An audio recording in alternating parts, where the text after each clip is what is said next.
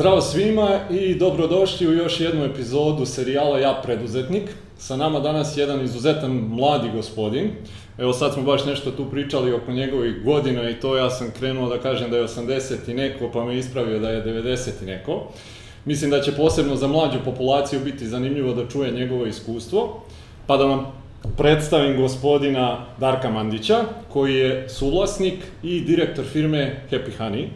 Darko, e, dobar dan. E, isto dan. ni tebi ne mogu poželiti dobrodošlicu obzirom da smo mi gosti kod tebe, ali hvala ti što si izdvojio vreme za razgovor.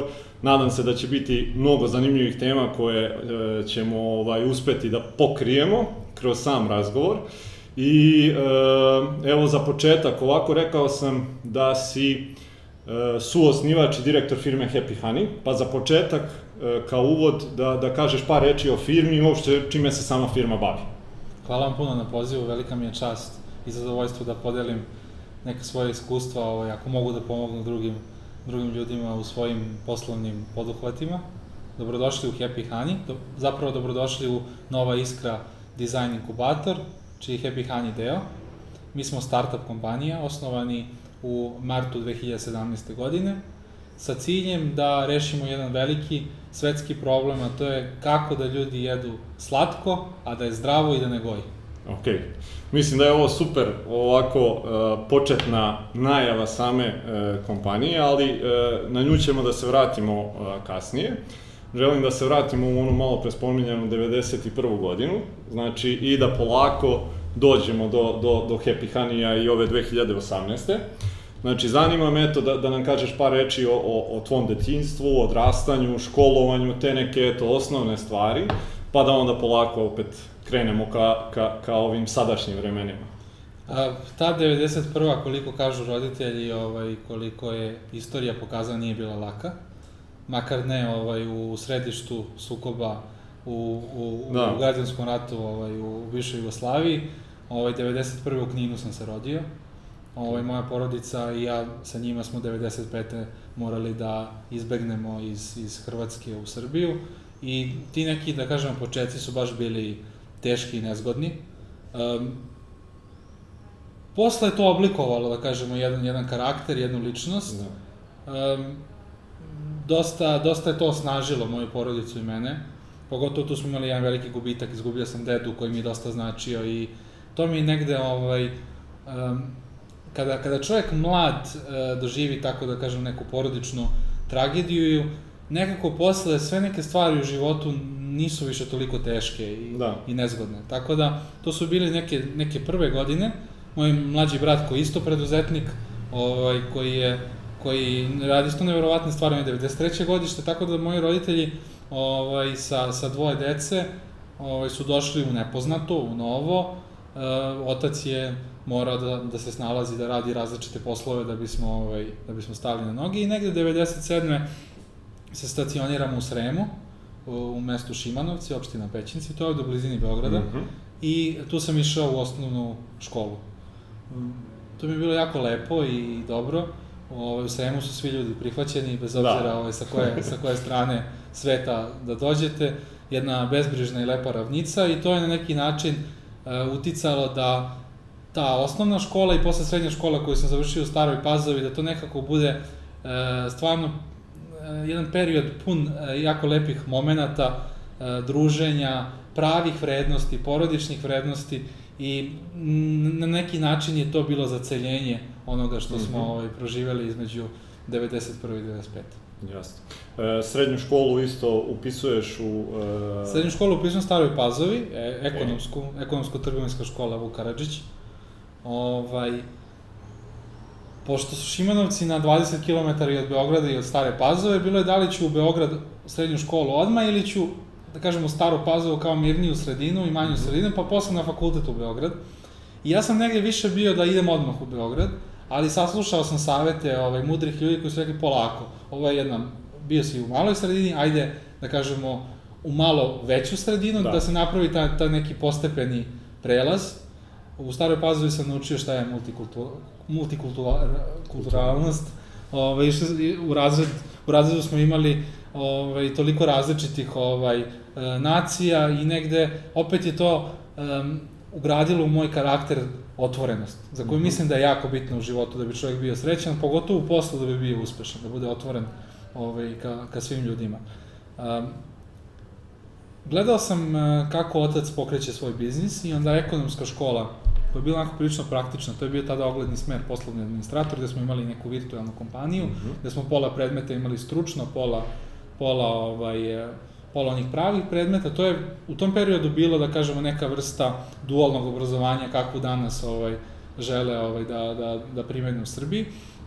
I značilo mi je to što sam mogao konkretno da vidim kako se rade stvari. I mislim da mi je ta srednja škola zapravo i znanje koje sam tu stekao naslonjen na, na, na praćenje svog oca koji je gradio, koji je gradio firmu. To mi je pomoglo da, da steknem dosta znanja i veština zbog kojih mislim da danas mogu da, da guram kao preduzetnik. Reci mi, otac, e, koji, kojim poslom se bavio? Otac se bavi transportom. Mhm.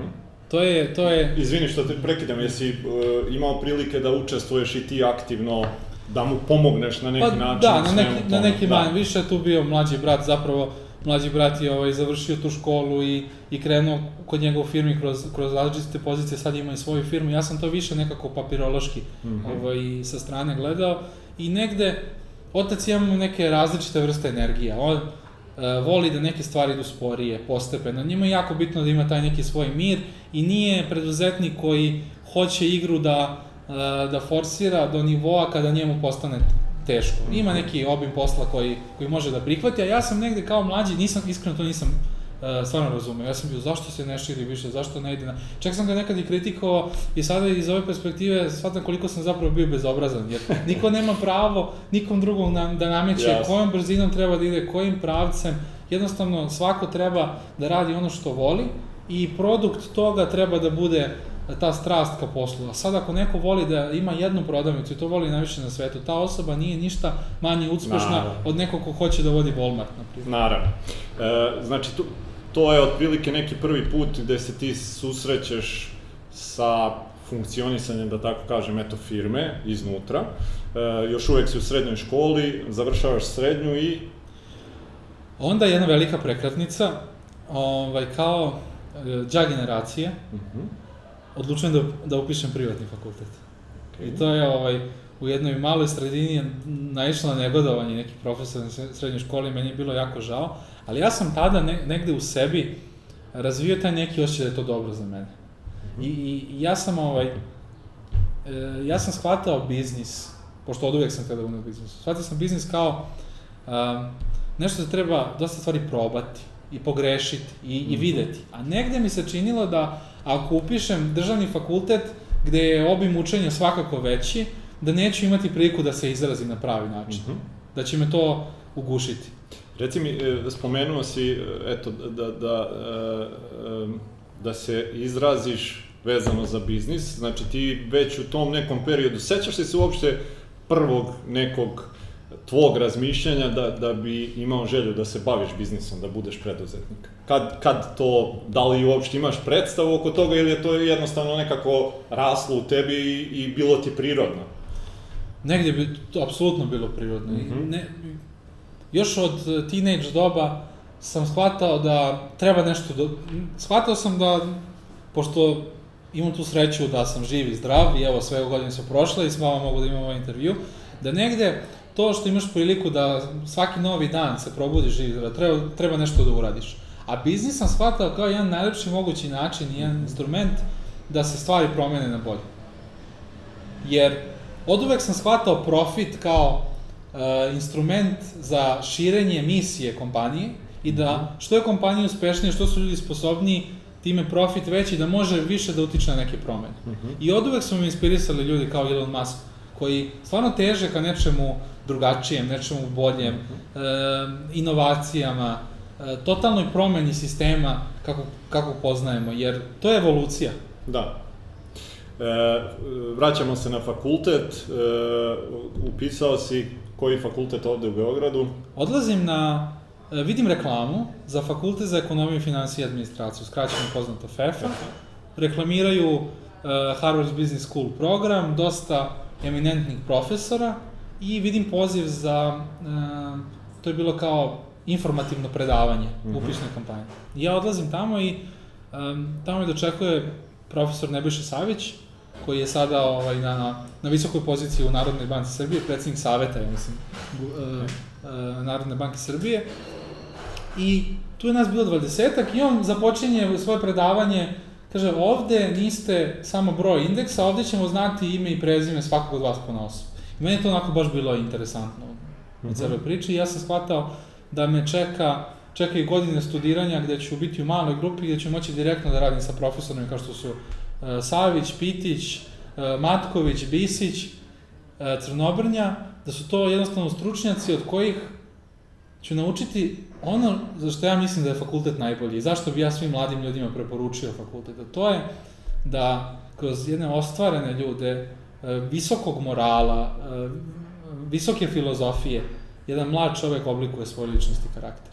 Ja mislim da su totalno nebitne sve one definicije i svi oni zadaci, e, bitna je ta, ta, ta poruka, da kažemo, kako pristupiti životu, kako pristupiti odnosima, komunikaciji. I mislim da nas fakultet, nas mlade, može da nauči e, u jednom, e, kroz podsvest. Jer mi ni- nismo svesni sa 19-20 godina. Naravno. Mi, mi razmišljamo, jao, što ja, što ja da sedim na fakultetu kad mogu možda da programiram, napravim neki website. Ali mislim, poštujem svaki put, naravno, Naravno. ali mislim da ima nešto u tom fakultetu, uh, pogotovo ako se ljudi odluče za one institucije koje svoje obrazovanje i programe usklađuju sa modernim tržišnim kretanjem. Mhm. E, studije ti traju koliko godina? Tri godine bachelor studije. Ok. I e, u toku studija imaš i neke već projekte, da ih tako nazovemo, svoje, koje počinješ ili si posvećen samo studijama kao studijama? Ja sam i u srednjoj školi taj višak vremena koristio da, ne znam, pravim web sajtove, naučio sam Dreamweaveru da radim. Stara Pazova, Indija, Šimanovci, dosta malih preduzetnika se u tim krajevima Mhm. nalaze. I negde sam tako nalazio način da imam džeparac za putovanje. Izvini, sećaš li se prvog džeparca uopšte, kako si ga Sećam se, zaradio? Sećaš Sećam se, sećam se. Sećam Kako se, je? sećam se i dan danas, ovaj, postoji jedna mala, mala ovaj, kompanija, zove se Baroko. Mhm. U Šimanovcima oni se bave betonskom galanterijom. Ok. A, I sećam se da sam napravio jedan veliki website ovaj, za njih i da sam jako uspešno sarađivao, mislim da su čak bio jedan ili dva redizajna Mhm. i ovaj, baš sam lepo radio sa, sa Darkom, isto se zove Darko Milićević, vlasnik firme i mlad čovek, nekih možda samo neki 5-6 godina stariji od mene i ovaj, od uvek me njegova energija onako inspirisala i baš mi je bilo drago da radim sa njim. I Ne. onda, u tim godinama sam već naučio šta znači nekom nešto obećati, isporučiti. Mhm. Imao sam prva kašnjenja u životu, imao sam Izvini, prva... koliko godina imaš tu? 17. 17. Imao sam prva kašnjenja, pa onda prve razgovore gde treba da se suočim s time što sam nešto obećao, a kasnim. Pa sam imao, e, imao sam prve momente neverovatne radosti kad me čovjek pozove i kaže ovaj web sajt prvi, među prvima je na Google tada bio, toliko me ljudi zove, po, povećala se prodaja. Tako da u tom smislu je baš bilo, ovaj, baš bilo interesantno i baš sam zahvalan na, na toj prilici koju, koju sam, ovaj, koju sam Ok, koje sam evo, radio. sad si ih lepo iz- izreklamirao za to. Pa ne, mislim, prije, ja volim da Ne, ne, pričam ne. ovaj... Šalim se ja malo, naravno, ovaj, ali e, e, drago mi je to što se sećaš i tog e, što ti je ostalo tako ovaj, ucrtano i dalje u, u glavi taj prvi posao i taj prvi džeparac i te neke stvari. Sećam se taj Dreamweaver, bože danas postoji taj WordPress, pa kupite neki template, skinete temu, mnogo lakše, može website za 2,5 sata da se podigne.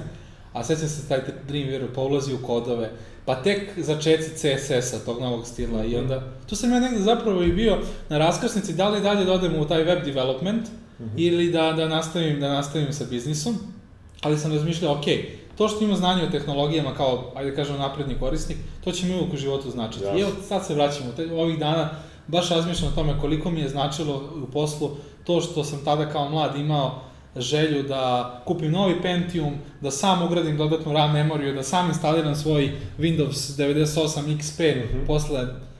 Mislim da, da ako pažljivo pratimo te neke signale, nismo ih svesni u tim godinama, ali ako pažljivo Da. pratimo i vratimo se nazad, kao što je Steve Jobs rekao, ako spajamo tačkice, negde nam se posle javi zašto smo ih Mhm. spojili.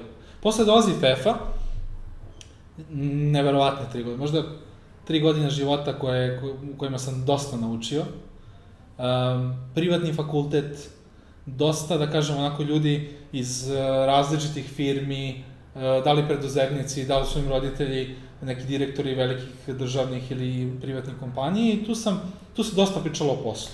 Mhm. -huh. Bukvalno, sva, svako naše druženje, ja sam takvu ekipu napravio na, na, na fakultetu, sećam se Konstantin, Stefan i ja, smo ovaj, uvek pričali o poslu, čitali poslovne vesti, ne znam, svi komentarišu neki futbal ili nešto strašno se desilo u medijima, a mi otvorimo B92 Biz i onda krenemo redom vesti i komentarišemo, evo vidi ovo, pa poredimo, ne znam, ako je referentna kamatna stopa pala, kako će to da utiče na kredite.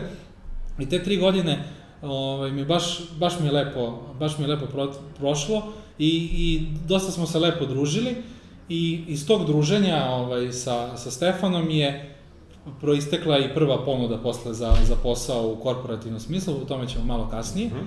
ali imao sam i, i prilike da, da višak vremena uh, iskoristim na da nešto dobro uradim. Hteo sam da se angažujem oko studentskog parlamenta, bio sam student prodekan. Uvijek mi je bilo interesantno da mi ljudi daju poverenje i da probam da uradim nešto što je, na primer, uh, drugačije. Mm -hmm. Baš sam se juče video sa, sa svojim profesorom Pitićem i sećali smo se ovaj, uh, perioda kad sam ja bio na fakultetu i on zna koliko sam ga stalno davio da recimo u cenu školarina budu e, uključene i, e, i knjige i onda se, da. setio se on koliko sam bio davež, ovaj, ali, ali, ali ovaj, ta upornost se isplatila, pa smo na kraju dobili te besplatne knjige i evo dan danas studenti na FEFI. Upornost se da, uvek da, isplati. Ali hoću da, hoću da kažem, uvek sam imao te, tu neku želju da, da, da, da nešto preduzmem. Uh mhm. -huh. to, to, to je bilo interesantno. I um, primetio sam da malo bolji studenti i kvalitetniji studenti uzmu, da se bavi nekim organizacijama. E sad na državnim fakultetima je to već, da kažemo, jedan drugačiji nivo, to mi se nije dopalo, tu mi je dosta bilo, da kažemo, administracije, ajde tako da se izrazim. Ja sam više od akcije, aha, ajde neka ideja, ajde da probam naredne dve nedelje da, da, da realizujem. I učestvovao sam jednom prilikom na, na projektu koji se zove Beogradski model Ujedinjenih nacija, BIMUN, To je simulacija rada institucija Ujedinjenih nacija za studente Fakulteta političkih nauka, pravne studije, ekonomije i slično. Zapravo kao neki case study za studente uh, tih uh, disciplina. Mhm. -huh.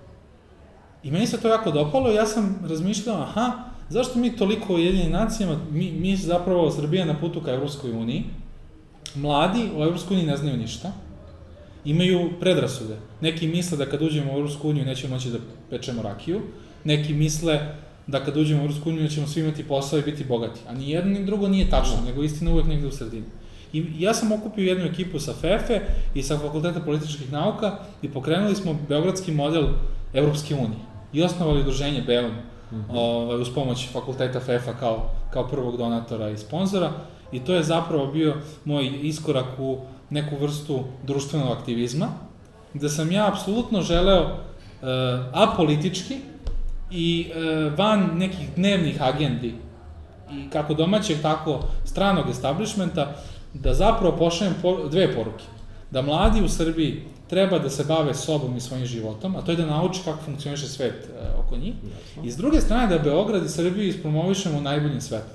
Jer su nama i studenti iz Holandije, nama su studenti iz Ukrajine, Brazila dolazili u Srbiju da, da uče o Evropskoj uniji na tom našem modelu tu sam zapravo naučio kako od ideje da izgradim nešto što je posle postalo najveći brend u toj svojoj niši. Beogradski model Evropske unije je postala najveća simulacija te vrste na svetu, sa 300 učesnika, koja se održavala u Narodnoj skupštini Republike Srbije i to je ovaj, uspešno rađeno šest, šest godina za redom. To udruženje BEOM, ovaj, koje sam ja e, prepustio i napustio 2016. godine, je e, zapravo bila, da kažemo, moja najveća, možda i najveće, jedno najveće dostignuće u karijeri, jer kao mlad čovek se odvažite na tako nešto da. u situaciji kada to nije lako, opet morate sebe da postavite tako da niko ne može na ulici ništa da dobaci, da to što radite je krajnje transparentno i da zapravo cilj svega da pokažemo da mi ovde u Beogradu i Srbiji umemo da uradimo dobar posao i dobru stvar I eto, to mi je bilo onako veliko zadovoljstvo. Tu sam naučio i prvi veliki stres. Tu sam prvi put burnoutao, burnoutao u životu. Mm -hmm. Tu sam... Već si imao to. Da, da. Tu sam, ovaj, tu sam imao situaciju da radim sa ljudima iz celog sveta, da, da putujemo dosta, da se družimo, da, uh, da formiramo tim, da otpuštam ljude iz tima, mm -hmm. da uh, pravimo dobre stvari, da pravimo velike greške, da rizikujemo, mm -hmm. da sve te neke principe koje su zapravo svakodnevni principi, jedna svakodnevnica života jednog preduzetnika. Da. E, završavaš fakultet i šta u tom trenutku imaš u glavi? Kakvi si, imaš i neke ciljeve koje e, već imaš zacrtane? Mm -hmm. Završavam fakultet i Beum i nakon fakulteta traje još par godina. Mm -hmm. Naravno, ja se angažujem u zavisnosti od toga koliko, koliko vremena imam, to je jedan lep tim od 20 ljudi i međutim ja želim i poslovni izazov. Fakultet je završen, položen, sećam se, poslednji ispit i ostao mi je diplomski rad i sedim sa, uh, sa svojim kolegom sa fakulteta Stefanom i on mi kaže, znaš, moj otac ovaj, razmišlja da nama treba još mladih ljudi sa kojima bi smo mi razvijali ovaj, naše kompanije, pa sam hteo da te ponudim da li si možda zainteresovan da kreneš, znaš, kao management trainee u našoj firmi za med, koja se zove Medina, uh mhm. -huh. ovaj koji je najveći izvoznik meda, u, možda u ovom delu Evrope. Da. I meni je to bilo, ovaj, meni je to bilo stvarno neverovatno. Uh mhm. -huh. Znači, ta, ta ponuda, zato što se ja sa Stefanom toliko vremena proveo ovaj, u te tri godine, toliko smo se družili i stalno smo challenge-ovali jedan drugog sa tim uh, nekim poslovnim idejama i razmišljanjima i to mi se onako dosta dopalo. I to je bila, da kažemo, jedna, jedna od prvih velikih, teških, samostalnih odluka koje sam doneo, gde nisam naišao na odobravanje e, ljud, ljud, kruga ljudi koji je oko mene i koji mi, koji mi znači. Ovaj, moj otac se naljutio na mene, čak nismo, ovaj, nismo razgovarali, ja mislim, jedno mesec dana. Koji su njihovi argumenti bili da, da to ne uradiš? A, putovanje iz Beograda do Krnjeva i nazad svaki dan, to je 200 km. Mm -hmm. I što je moj otac smatrao da moje znanje i, i predispozicije su po njegovom nekom sistemu vrednosti za neke firme koje su zapravo jači brend. Uh mhm. -huh. I ja sam se tu jako usprotivio tome. I bio sam u pravu i to mi je bilo drago, zato što, što sada kada sam prošao te neke stvari i tri, skoro tri godine u Medinu i u drugim firmama shvatam koliko zapravo nije bitan brand za koji radite, nego ta kultura i ljudi i koja je misija, da kažem, u kompaniji. Uh -huh. A mlađi ljudi lakše se zalepe za General Electric, Boeing, nego da. neki Medino ili, ili neku drugu domaću kompaniju, a mogu često da pogreše. Da. Te, tri godine, te skoro tri godine su bile nevjerovatne, to je... E, to ti je, znači, na neki način, e, ti imaš taj preduzetnički duh e, i to svestan si toga, I svejedno se odlučuješ da ipak uđeš u korporativni svet, da postaneš zaposlenik. Da. I kako ti izgleda, to ti je na neki način prvi susret uopšte sa korporativnim svetom, gde, ovaj, kako ti to sve izgleda u tom trenutku? Jako čudno. Ja dolazim 20. avgusta 2012. na prvi radni dan na posao i sećam se Stefan i njegov otac su bili na nekom putovanju. I prve dve nedelje zapravo neka vrsta onboardinga sa generalnim direktorom tada e, Darko Marinkovićem i, i, i firmom tu i zaposlenima. Ja dolazim u firmu za med, ja ne znam vrste meda. Ja, ne, ja, ja ne, ne konzumiram med u tom momentu. Ja ne znam šta, kako, kako to bagremo med, kako li da. Stvarno ništa ne znam. I dolazim prvi dan, ovaj, dolazim prvi dan u firmu. Sjećam se, to je nevjerovatno kako, kako se mladom čoveku tako postave neki, neki, neki izazovi ovaj, uh, dobijam, dovozi me ovaj, Konstantin mislim da me dovezao u firmu, prijatelj, i treba tu da dobijem taj neki prvi auto kojim će, koji će se vozim, i valjda taj neki auto koji mi je bio namenjen nije bio na raspolaganju, bio je to neki najstariji pick-up. I sad, uh, Hteli mi to da priznamo ili ne, s privatnog fakulteta, sa Senjaka, dolazite u Krnjevo i dobijate pick-up koji u treću brzinu ne ulazi kako treba. A pre toga otac i majka kažu, ma gde ćeš tamo u Krnjevo da radiš, ti, si, ti možeš da ideš u Englesku, možeš da ideš ovaj, u, u, u Ameriku da radiš za, za velike sisteme. I tu, znači, ja sam zapravo mogao mirne duše, aj tako da kažem. Daj prvi dan kažem, izvinite, ja sam ovo video, ali ovo nije za mene. I verujem da se oni ne bi naljutili na mene. Ovaj, kao što, što se nisu naljutili posle tri godine što sam otišao, jer, jer svaki čovek ima neku svoju zamisao i ako ste negde blokirani, ne može niko lance da vas, da, da, da, da vas drži. I hoću da kažem da u tom momentu sam ja zapravo taj prvi dan mogao da kažem ne, što mislim da bi bila strašna greška. Mm -hmm.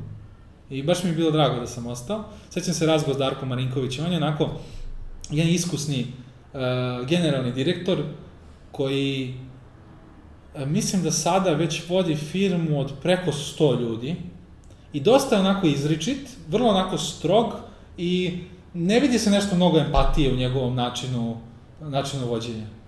A ja sam tada dosta onako bio na ta neka osjećanja, na, na lepu atmosferu. Nekako sam smatrao da ako ljudi nisu e, nasmejani, ako, ako ne četuju ovako sa vama, da nešto imaju protiv vas. Tek, tek, tek posle sam shvatao postoji različiti tipovi ličnosti, da ako je neko yes. strog, i ako tako komunicira, on zapravo samo je, samo je on sa sobom i radi svoj posao, nema ništa protiv vas, onako per se. Tako da, da ovaj, to mi je bilo sve onako jako interesantno. Da onda rad sa Dušankom Tošić, koji je najbolji tehnolog za medija, mislim, u ovom delu sveta. Ovo, je, je nevjerojatan stručnjak, ali ovako osoba za komunikaciju koja nije vrlo, uopšte nije lagana, i ona to zna i verujem kad bude gledala ovu emisiju da će biti, ovo, će biti interesantno kad se u njoj prepozna.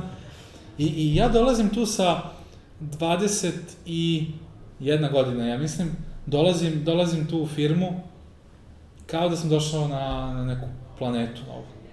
Šta su ti zadaci uopšte tu? Prvi zadaci su mi bili da, da prve dve nedelje da skeniram, da vidim e, šta je firma, da se upoznam šta je proizvod, koji su procesi, koji su sektori. E, mislim da sam baš prvo bio u laboratoriji, da vidim zašto je kvalitet jako bitan. Jer e, kada radite sa hranom i kada radite u ozbiljnoj kompaniji kao što je Medino, kvalitet je nešto što ne, ne sme da se dovodi u pitanje I u tom smislu mi je bilo drago što sam počeo odatle, jer su to bile osnove da posle ja u svojoj firmi taj kvalitet dignem na još viši nivo u odnosu na to što je tamo, a to što je tamo je stvarno za industriju iznad proseka. Pa odnositi sa ljudima, pa onda... Mislim da sam imao tada mnogo manje, da kažem, osjećaja prema ljudima nego što imam danas, ali sve se to negde uče. Bio sam onako strožiji, nekako, nije mi bilo jasno kako sednemo, dogovorimo se, i onda završi sastanak i neko nešto ne uradi. To, je, to su mene stvari koje su me lično i emotivno pov, pov, povređivale. Jer za mene kao dogovor, uh, niko nema primetbe, da, idemo u tom pravcu, vidim tu energiju na sastanku i na posla ništa. Pa šta je, pitam se šta ne valja u meni, šta ne valja u drugima. Stvarno jedna, jedna neverovatna, neverovatna avantura, neverovatna odgovornost da sa 20, 20, 23 godine budete upisani u APR, i odgovarate za firmu koja i u svojim najboljim godinama izvozila i, i 5-6 miliona eura, da svaki kamion je vredan 100.000 eura, da ako pogrešite neku dokumentaciju, da jednostavno može dođe do zastoja, da može dođe do penala. Da kažemo samo, znači ti si u jednom trenutku postao i direktor Medina. Tako je. E, kako ti ta odgovornost u tom trenutku ipak gde si direktor ozbiljne, ozbiljne firme, kako se boriš sa, sa tim pritiskom i... E, shvatio sam zapravo u tom momentu koliko biti direktor nije stvar nikakvog, da kažemo, obrazovanja, koliko mogućnosti da izneseš neki teret na, na svojim leđima. Da nekako sam preskočio tu priču kako sam ušao kao management nije na kraju postao direktor. Pa došao sam u porodicu koja, e, koja je stavila svoje poverenje u mene. Stefana, i njegovu porodicu sam upoznao za vreme tog studiranja i mislim da je njima bilo jako bitno da imaju čoveka ko, u koga će moći da veruje, koji, koji će biti sporiji, koji neće imati znanje koji neće imati možda znanje na početku, kojim će moći da veruju, a to se poklapalo sa njihovom strategijom da tu jednu veliku firmu e, koja je imala nekoliko departmana zapravo iseku u više manjih firmi mm -hmm. i da na taj način direktori e, imaju fokus stvarno na, na svoj biznis. Jer Medina je bio departman kompanije Cmana Promet koja se bavi e, da kažemo, poljoprivredom u, u širem, Mm -hmm. širem smislu. Ja sam nekako pokazivao njima od početka da, da, ja, da ja hoću da radim, da razumem to što, što mi pričaju, da sam im zahvalan na poverenju i da ja hoću da radim neke, neke stvari. U smislu, govorim engleski. Hoću da pošaljem 100 mailova, hoću da zovem ljude preko telefona da prodam hoću da nađem nove klijente. Znam Excel, hoću da radim, e, da napravimo kalkulacije, da vidimo koliko nas košta proizvod. Hoću da, da prikupim šest ponuda za, za tu teglu ili za to bure, pošto je Rinfuz prevashodno ovaj, dominantan u izvozu ovaj, portfolija te kompanije. E, To su, to su za mene nekako bile logične stvari. To je meni iz kuće nekako došlo. Ok, imaš proizvod, ajde da nađem ko sve proizvodi to bure, da li ima u Mađarskoj, da li ima, i da vidim gde je najjeftinije, gde je najbolji odnos cene i kvaliteta, i da na taj način uh, napravim uh, uštedu kompanije. Pa onda, na primjer, imamo taj, ta neka dva magacina i sećam se, gurali smo med, stavili smo uh, da što više stane meda, jer nekad imate veće zalihe, nekad, nekad manje, onda mi je bilo logično, ajde da optimizujemo taj prostor, pa ajde da uvedemo bar, bar kod čitač. Meni je tu jako prijelo što je što sam radio sa različitim ljudima, na primjer Stefan, on je sličan meni, totalno orijentisan ka tehnologiji. Bar kod čitači, programer za kalkulacije. Znači imali smo dosta kvalitetne programe, čak verujem da, da to Stefanovo znanje bi danas u IT-u, da nije, da nije u ovom porodičnom biznisu, u IT-u bi bio um, vođe neverovatne kompanije koja bi pravila verovatno velike sisteme. -hmm. S druge strane, tu je bio njegov otac, ovaj Goran, koji je, da kažemo, čovek koji je više ovako logičan i više razmišlja u odnosu sa ljudima.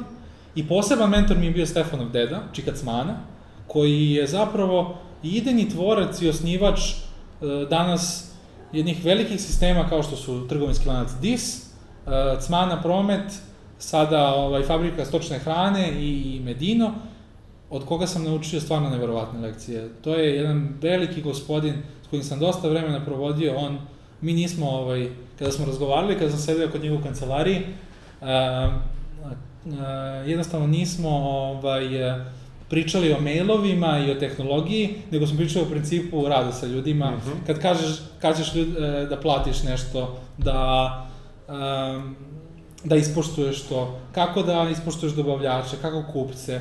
I dosta smo vodili računa o pčelarima, jer pčelari kao, kao dobavljači bez kojih e, e, kompanije koje izvoze med ne mogu, kako sa njima da radimo. I eto, imao sam to jedno, te tri godine, skoro tri godine u Medinu, imam osjećaj kao da je to nekih devet godina negde. Da. Imao sam totalno različite mentore, različite zadatke, ustajao svako jutru u pola šest, sedao u kola, vozio 100 km, provodio ceo dan u Krnjevu, vraćao se nazad, šest dana u nedelji, to je stvarno onako bio jedan, jedan ovaj drill na, kom, na, na kome sam jako, jako zahvalan.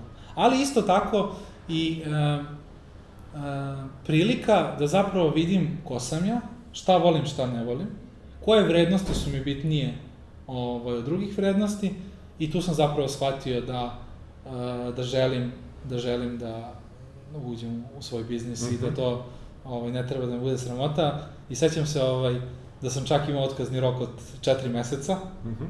ovaj, da, da sam firmu ostavio, ja mislim, u najboljem redu, jer svaki dan smo tu radili zajedno i posle ovaj, još jedan sjajan čovek koji me je nasledio je to mogao da nastavi i podiže na viši nivo, a ja sam opet zahvalan na svom tom znanju, zbog kojeg danas ne bi Happy Honey mogao da ide toliko napred ovaj, koliko, koliko mislim da ide. Da, e, napuštaš Medinu i šta je sledeći korak koji praviš?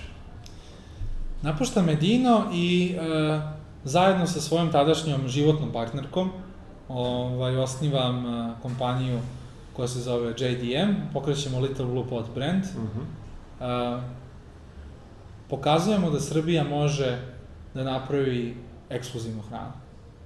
To je džem koji je među najskupljima i najkvalitetnijima na svetu, prodaje se ovaj, u Njujorku i Londonu, i to je džem koji konzumira Prince Charles koji je bio poseti ovde mm -hmm. u mhm. inkubatoru uh, i koji nas je pohvalio za, za tu, za tu ovaj, proizvodnju džemova. I um, imali smo velike planove za tu firmu. Međutim, tu imam, da kažem, neki prvi ozbiljan životni životnu prekretnicu, a to je da jedna veza od šest godina koja je baš bila ozbiljna, koja se završava, i samim tim se završava i poslovna, poslovna saradnja. To je onako za mene bio jedan uh, šok tada na, na ličnom planu, ali ono što mi je opet drago jeste da iz tog šoka sam opet dosta naučio i mislim da je dobro da, se, da, da ljudi dožive neke padove da zapravo vide kakvi su. Jasno. Jer u tom padu, u toj turbulentnoj situaciji, ono što je meni bilo jako drago jeste što sam ovaj, uspeo da, da se uzdignem iznad toga i da jednostavno razumem tu situaciju zašto se desila, prihvatim je, da ne dozvolim da to utiče na, na moj dalji razvoj i da opet sa tom osobom s kojom sam pokušao da gradim firmu i proveo te godine ostanem e, u jako lepim odnosima. Um, nije lako biti preduzetnik, najteže ako su dvoje preduzetnici, pa još zajedno, pa još u istom poslu. Da. To je, ja mislim, smrtonosna kombinacija za, za stres, svađu i, i ovaj, svaka čast ko to može, ovaj, Da. ko to može da, e, da izgura. Ali, hoću da kažem da, da, da nema tih padova, ne bismo znali ko smo. Jer ja mislim Da. da nas kao, ako se nešto povuče na dole, neka sila, i mi padamo, i to boli, to nije lako, ali kao da nas repertira i onda nas pusti i lansira gore nas. Tako je. E, drago mi je što si već u tim nekim mladim godinama ovaj, razumeo te neke stvari koje mnogi ljudi shvate, ali dosta kasnije, kad malo ti si imao taj neki recimo e, period sazrevanja u dosta mladim godinama i e, tvoj način razmišljanja iz ovoga što do sad razgovaramo je nije baš karakterističan za, za, za tvoje godine i zato mi je drago da mladi ljudi mogu da, da čuju to i nadam se na neki način i da, da, da probaju da razumeju i da primene kasnije i taj način razmišljanja. Ali generalno isto smatram da, da e, svaki neuspeh je jako bitan za svakog čoveka koji je kasnije nešto uspeo u životu. Tako da ti imaš u tom trenutku taj svoj neuspeh, padaš kao što si rekao i šta se onda dešava u kom a, pravcu te katapultira taj neuspeh. U pravcu jednog perioda života koji mislim da svako treba da proživi. A to je period života gde je nekih godina i po dve dana nisam toliko razmišljao o poslu. Uh -huh. E, bavio sam se Beumom, koji je i dalje bio aktivan, koji je uvek tu stajao sa strane. Ali tu je mnogo više radio kolega Đorđe, koji je tu zapravo bio svaki dan i, i nosio, nosio organizaciju. Ja sam se zapravo bavio izlascima i zabavom. Uh -huh. I rekao sam to bio je na par mesta, u 20. godinama treba sve da se proživi. Naravno. I treba da se da sebi oduška i treba u nekom momentu čovek da se isključi ako želi i da stavi na pauzu neke svoje poslovne planove, jer jednostavno nismo mašine. Jasno. I u, u te dve godine dosta sam putovao, zabavljao se, pomagao Đorđu e, da, da, e, da Beum držimo na visokom nivou, da uđemo u nove projekte. E, posebno mi tu istakao jedan veliki projekat razvoja aplikacija koji smo radili sa jednom telekomunikacijom kompanijom ovde, gde je zapravo bila ta jedna tačkica koja me pripremila za nešto što se zove Player Hunter. Hej. Dobijem poziv iz austrijsko-srpskog startupa od poznanika uh, Milana, koga sam upoznao pre pet godina, isto kada sam pokretao prvi BEM. Zašto sve to pominjem? E, te neke, kao neku paukovu mrežu da pravimo, Uh -huh. I u toj mreži se stalno neki ljudi vraćaju neke prilike. I onda ako vi zapravo u svakoj situaciji sa svim ljudima budete korektni, i ako svako zapamti kao pozitivnu osobu, vama će se vraćati to. I Milan me zove i kaže, znaš za Player Hunter? Ja kažem, znam, re- spomenuo si ranije, kaže, da, ali sada smo na totalno novoj fazi razvoja, mislim da tebi ovo može da bude interesantno. Kao, ajde da se vidimo sa, sa Stevanom, direktorom, i ovaj, većinskim vlasnikom i da popričamo treban direktor marketinga. I ja sam tu ovaj, bio prilično skeptičan. Zašto? Zato što je to jedna IT kompanija koja treba brz e, rast e, korisnika. E, Ja poznajem marketing sa poslovne strane. Oni bi više rekli da poznajem PR, slo- složio bi se. I dolazim, dolazim u priliku da, da moram da se iskažem na nekom drugom polju. Taj neki growth hacking, prikupljanje korisnika i to, to nije lako. Pogotovo paralelno sa razvojem platforme koja to vreme nije bila ni blizu na nivou na koje je danas. I tu sam ovaj, tu sam ovaj, ostao godinu dana na toj poziciji i tu sam naučio kako funkcioniše moderni način shvatanja poslovanja, pre svega startupi, šta je investiranje, kako funkcioniše investiranje, ko su poslovni anđeli, šta je evaluacija firme, šta su procenti firme, kako se podiže kapital. I uh, tu sam investirao svoj prvi, prvi novac, svoju ličnu šteđevinu, investirao u priču u, u kojoj sam tu, u kojoj verujem i ko, koja je sjajna. Tako da u tih godinu dana sam neverovatne stvari naučio i upoznao ljude kojima sam predložio da, da ovaj, investiraju u jednu kompaniju koja je iz sektora hrane, koja će iskoristiti med da lansira proizvode koji će unaprediti e, ishranu ljudi na, na globalnom nivou. Mm -hmm. I tu je, tu je krenuo taj moment da, da paralelno osnivamo Happy Honey i radimo Player Hunteru i celog života shvatam kako, mislim celog života, te 17. godine shvatam u jednom momentu kako stalno radim dve ili tri stvari, ili možda neka četiri stvari. Mm -hmm. I tek pa pre nekih pola godine, to je poslednje saznanje, shvatam da, da ne može tako. Da. Makar ja ne mogu tako. Ne da ne može tako, ja ne mogu tako. I prvi put odlučujem da će biti sa 27 godina jedna stvar, odnosno e. jedan projekat koji se zove Happy Honey, i za samo pola godine uviđam koliko je to bila odluka života. Kada vi da. imate jedan fokus, Jasno koliko vas to lansira u svemir, koliko vam pola godine fokusa na jedno donese mnogo puta više ovaj, rezultata nego tri godine 50% vremena fokus na, tako na jedno. Eto, tako, tako da evo danas sa vama pričam kao, kao neko ko i dalje investira okay. ovaj, u određene aplikacije, trudim se da, da, da kroz to investiranje upoznam različite ljude i da shvatim kako svet funkcioniše, da budem u toku, ali svoje vreme i svoje napore isključivo ulažem u, u Happy Honey. Ok. Uh, voleo bih sad, e, spomenuo si poslovne anđele, finansiranje, mislim da, da većini ljudi to ovde i dalje nije jasno. Uh, ti si uh, u Happy Honey imao već uh, poslovne anđele kao investitore. Uh, i e, voleo bih da taj ceo proces, ukoliko je moguće, približimo malo, da, da ljudi imaju recimo neki konkretan primer kako to izgleda, da ako oni u jednom trenutku imaju svoju kompaniju, ako bi želeli tako nešto da urade, da im otprilike malo približimo sve to.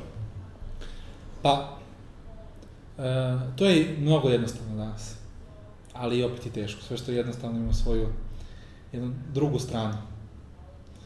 E, poslovni anđeo, definicija, može, može da bude više definicija. Za mene, iskreno, poslovni anđeo svako ko investira, nebitno koje su količine novca u pitanju, sprem svojih mogućnosti, e, sprem svojih mogućnosti, ali da bude svestan kako, e, šta je investiranje i kakav dogovor pravi. Znači, ako neko e, investira 1000 eura u neku kompaniju i posveti svoje vreme, to je onda smart investment i onda zna šta radi. Ili možda želi da investira 10.000 eura u neku kompaniju i ne želi više da čuje šta se tu radi dok ne dođe do momenta prodaje. Tako da, zašto to spominjem? Ljudi stiču novac radeći i imaju određenu averziju prema riziku u odnosu na to koliko novca imaju i kako su ga stekli. I e, kada birate partnere za potencijalne investitore, najbitnije je da tu postoji e, zajednička energija i poklapanje tih vrednosti i cilja. Ja sam konkretno dobio poverenje ljudi koji su videli moj rad kroz Player Hunter i kandidovao sam jedan plan. I ja sam znao otprilike kroz to, e, kroz druženje s njima koliko, e, kakve oni investicije vole, u, e, na koji način se angažuju i jednostavno slušao sam i napravio plan za Happy Honey. Ljudi treba da budu oprezni. Nije investitor neko ko samo ima novac stekao ga je ne znam na kakav način i čuje da se sada investira u startupe i želi na svojih 10.000 da povrati ovaj, puta 10 ili, ili, ili puta 100. Treba biti jako, jako oprezan, jer različiti ljudi danas imaju no, novac. Mm -hmm. I možda namere nisu uvek čiste. Mm -hmm. Ono što bih ja mladim ljudima savjetovao jeste da sada postoji toliko događaja, postoji toliko foruma, postoji toliko platformi gde se možete povezati sa ozbiljnim investitorima, s ljudima koji razumeju to što rade, da ne biste bili u situaciji da uzmete novac od ljudi koji će vam sutra e, svojim ponašanjem otežati taj put, put ka napretku. E, U zapadnoj Evropi ja mislim da veliki broj ljudi investira, postoji ta kultura investiranja i zapravo ona dolazi iz, iz nekih razgovora svakodnevnice. Kod nas u Srbiji, nažalost, nema toliko ljudi koliko recimo u Holandiji koji investiraju, ali stvari se menjaju, zato što ja mislim i veliki broj kvalitetnih ljudi iz dijaspore koji su napravili dosta novca žele sada da imaju neku konekciju sa mhm. Srbijom. I u Srbiji e, nalaze potencijal da se određene ideje razviju možda na istom nivou jednakosti, ali jeftinije. Da odemo samo malo još u detalje, tu znači ti si napravio biznis plan Tako je. za Happy Honey Tako i je. razgovarao sa određenim investitorima. Tako Prikupio si sredstva i Tako onda tek krenuo u, u celu priču. Tako To me samo zanima, znači taj deo još malo da odemo ovaj, e, do u detalje. E, sam si radio biznis plan? Pa, nisam se ja nešto mnogo opterećivao tim biznis planom. Ja sam e, njima prišao već sa znanjem iz industrije meda koje je, ja mislim, jako kvalitetno sa poslovne strane. I ja sam to njima više u par papira prezentovao, mm -hmm. nego što je to bio neki... Okay.